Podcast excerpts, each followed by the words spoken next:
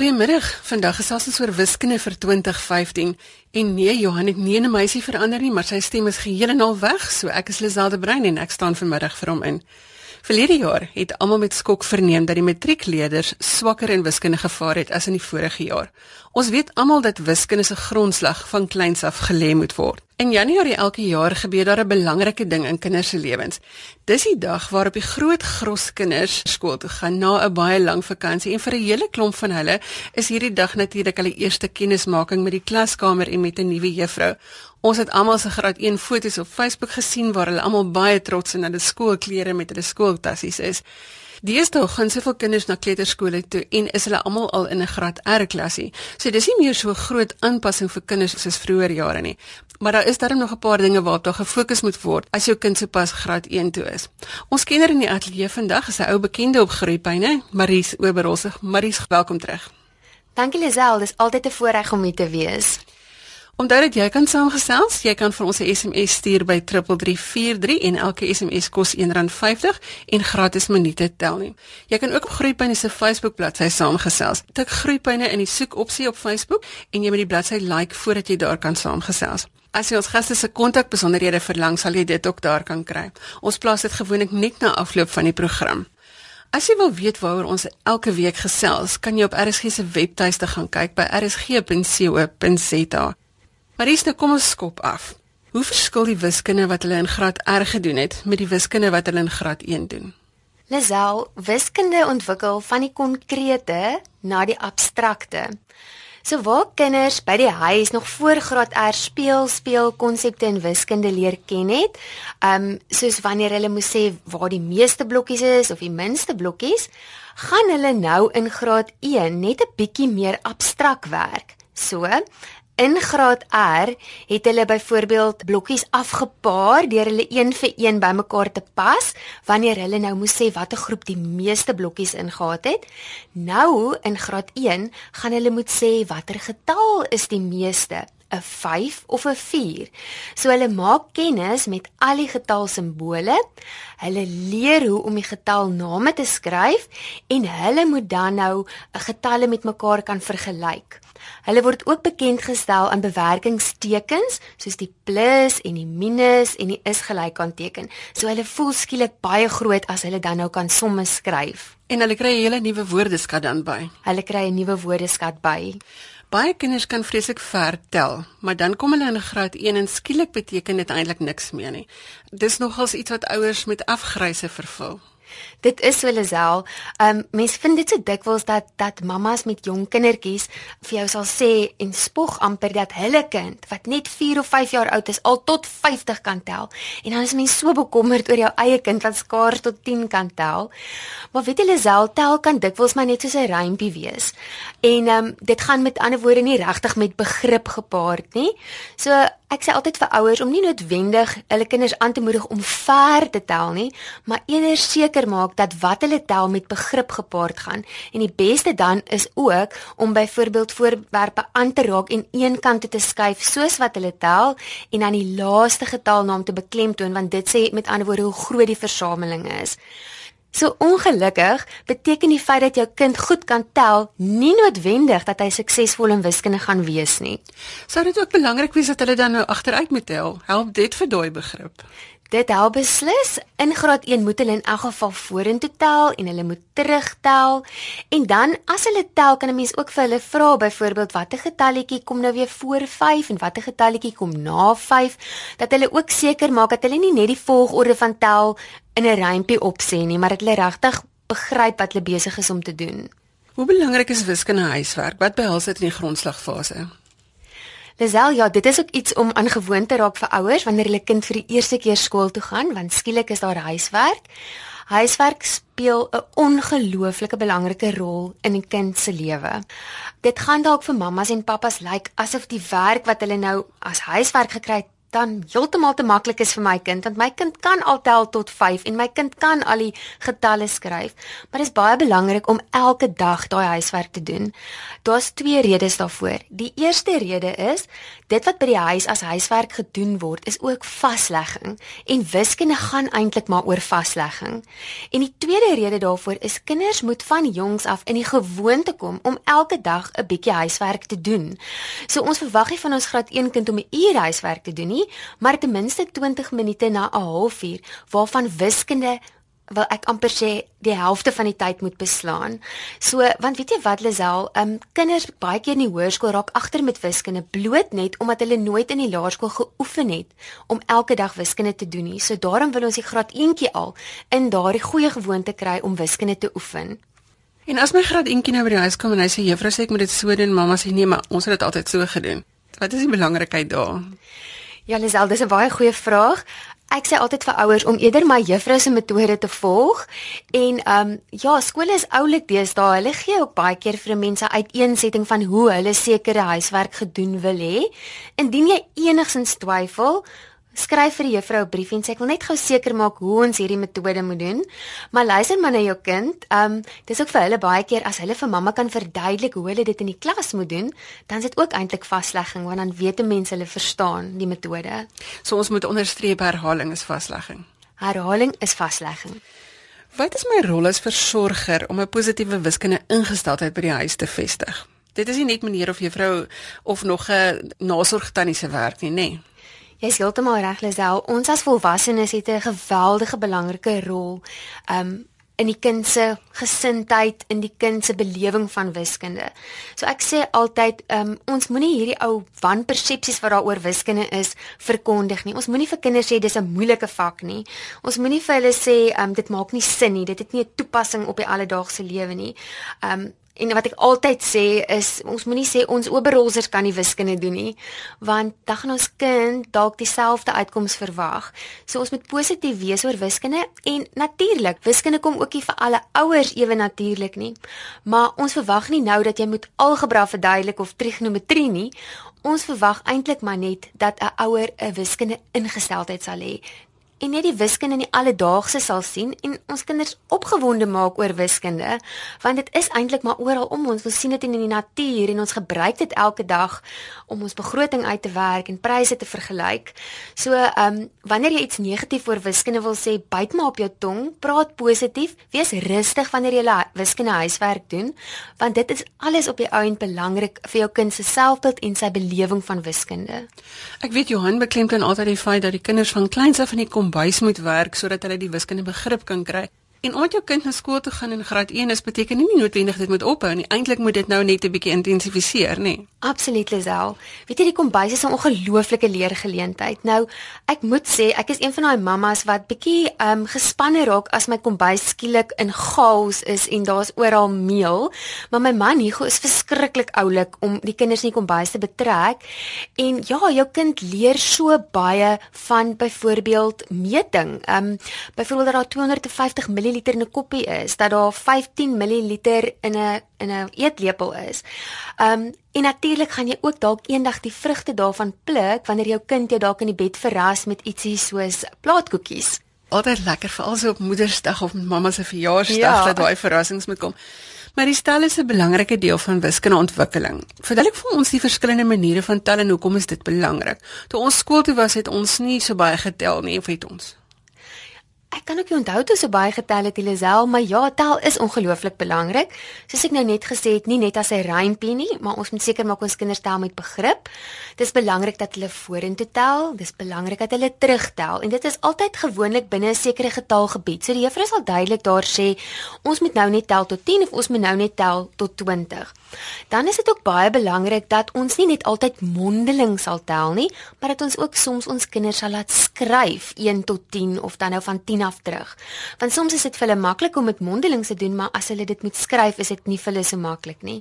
En dan kan ons sommer kyk ook byvoorbeeld dat hulle hulle syfers reg vorm en dit nie per ongeluk omkeer nie.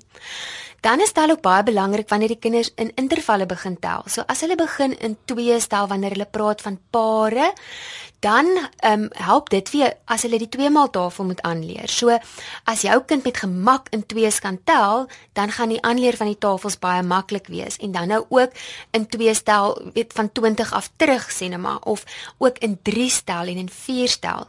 In graad 1 is dit gewoonlik net in 2's en in 5 en in 10e, ehm um, maar hier van graad 2 af moet hulle begin in 3 stel en in 4 stel.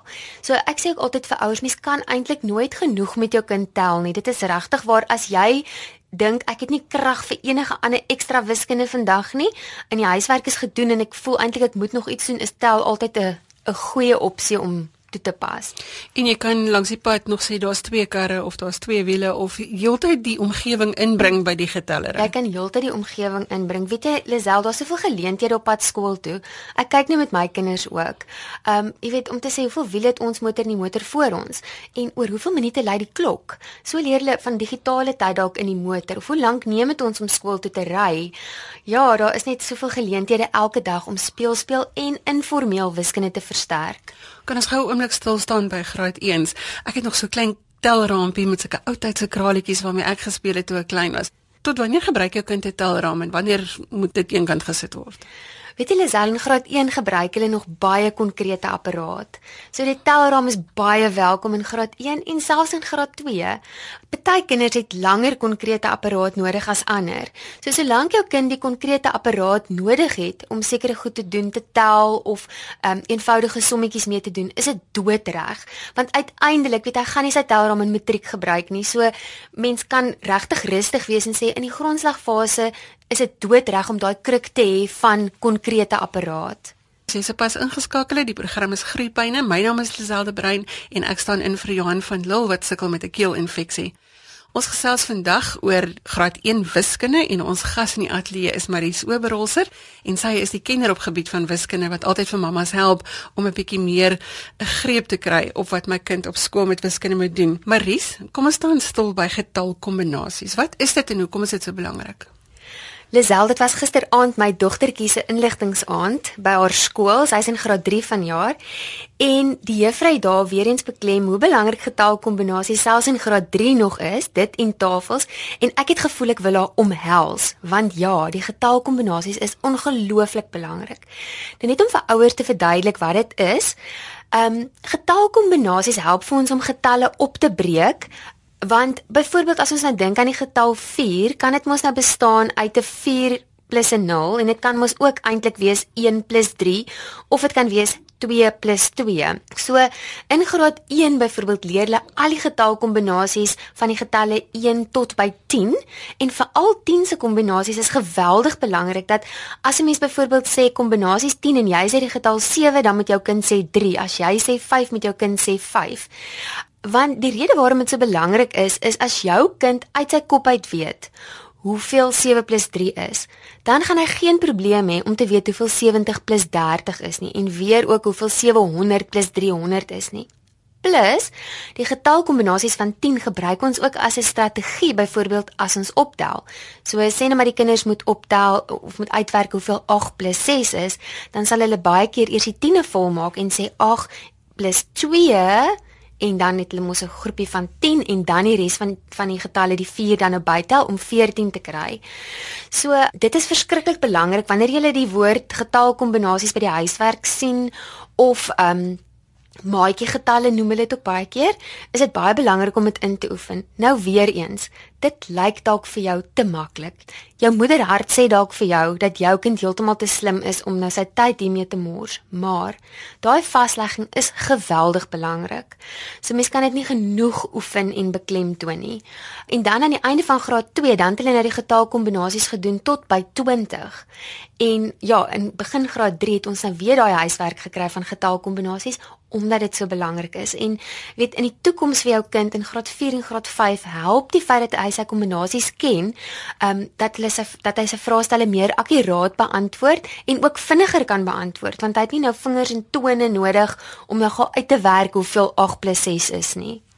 So as ek jou reg verstaan, is jy besig om oor en oor te beklemtoon dat sorg dat die basis reg is.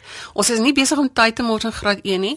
Jou kind is nie baie oulik as hy ver kan tel nie. Sorg dat die basis reg is want anders gaan hy later sukkel met wiskunde. Absoluut, Lisel.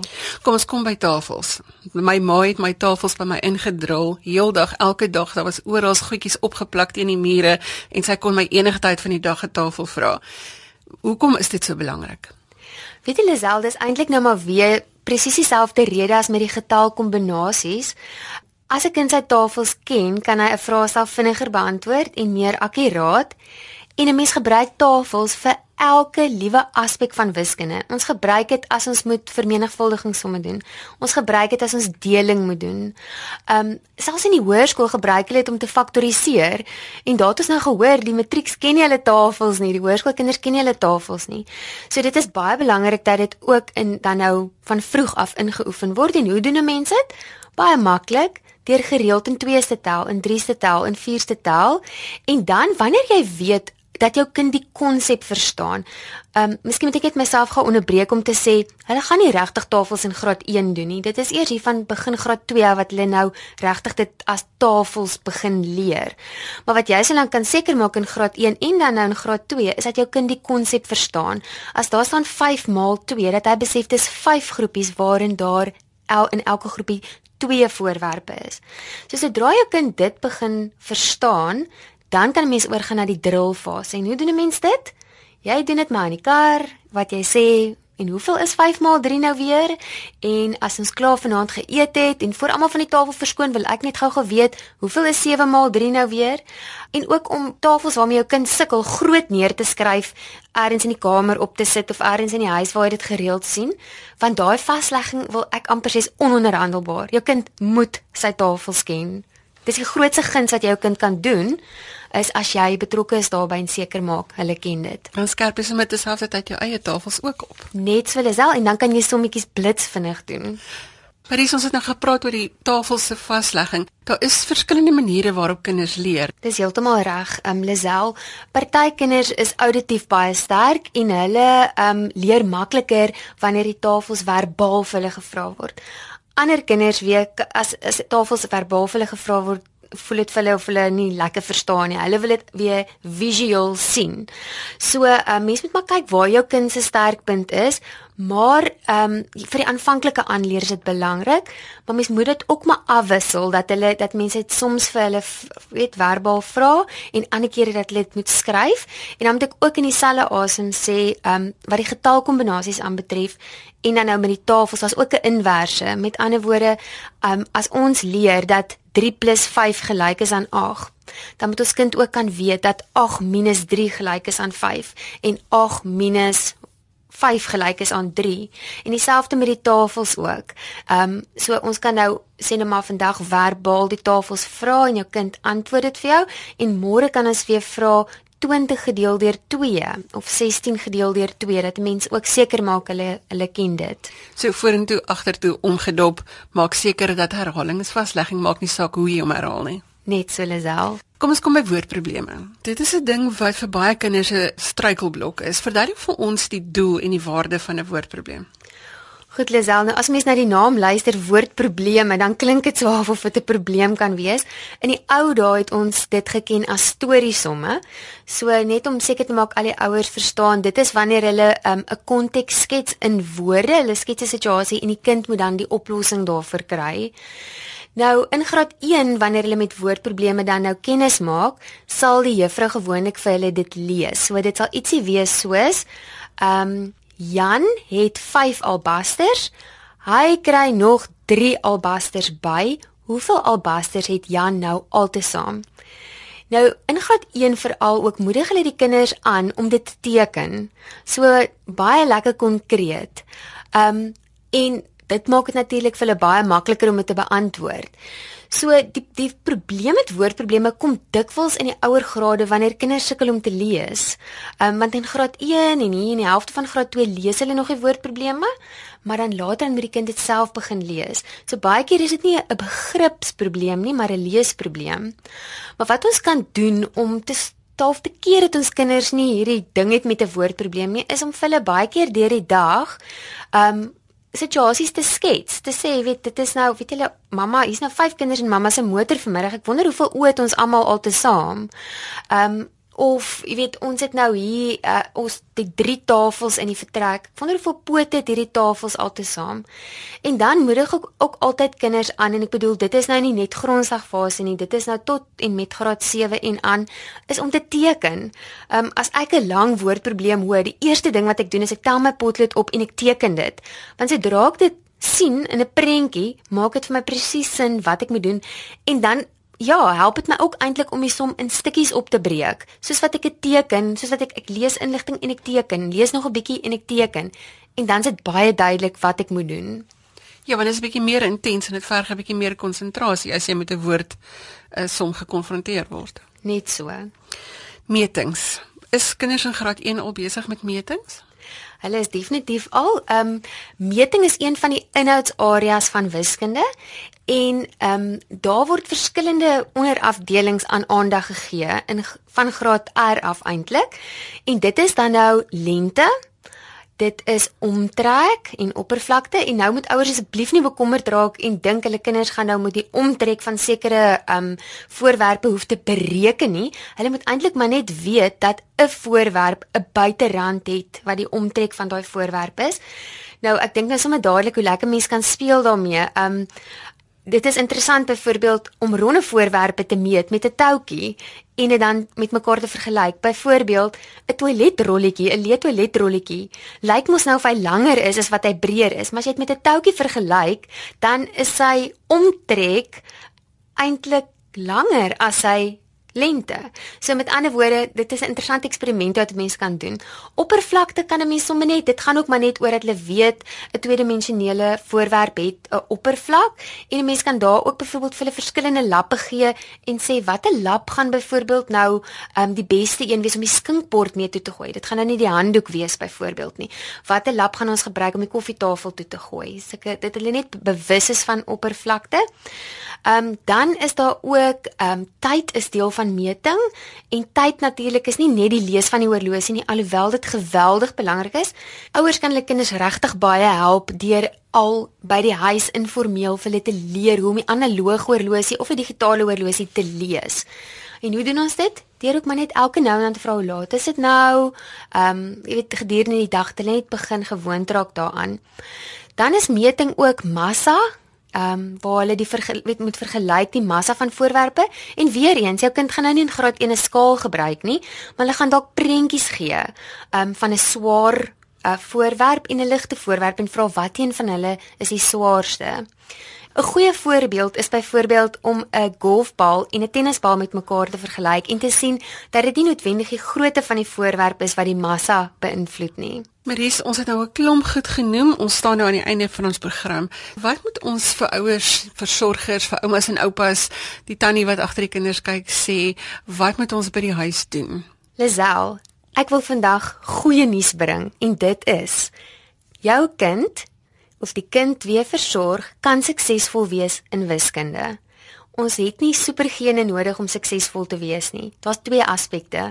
Dit moet vasgelê word, soos wat ons nou baie keer deur die program gesê het, en ons moet by ons kinders 'n positiewe ingesteldheid rondom wiskunde kweek. Maar dis waar sou hulle jou kan kontak? Sou daar 'n spesifieke probleem is wat jy vir hulle sou kon uitklaar? Ouers is baie welkom om my te kontak. My e-posadres is maries@ by boxanddice.co.za. Ek gaan dit spel. Dis M A R I S E by boxanddice spel ons B O X N D I C E.co.za en dan is hulle ook baie welkom om my webwerf te besoek.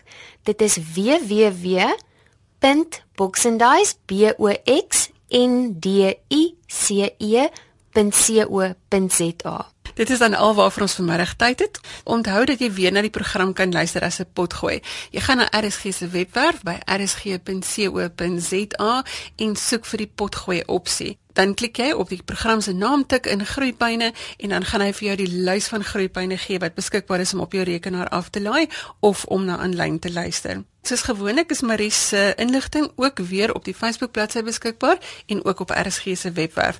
Dankie Marie vir jou tyd vandag. Groot plesier Lisel. Jy kan natuurlik ook vir Johan 'n e-pos stuur met navraag en die e-posadres is groeipyne@rsg.co.za. En as jy dalk raad het vir hoe hy sy keelinfeksie vinnig kan laat opklaar, dan kan jy sommer vir hom op Facebook 'n paar notas gaan gee oor wat hy moet doen om sy stem terug te kry en ons hoop dan ook dat hy sommer baie gou gesond gaan word. Neil Roo was agter die kontroles as produksieregisseur.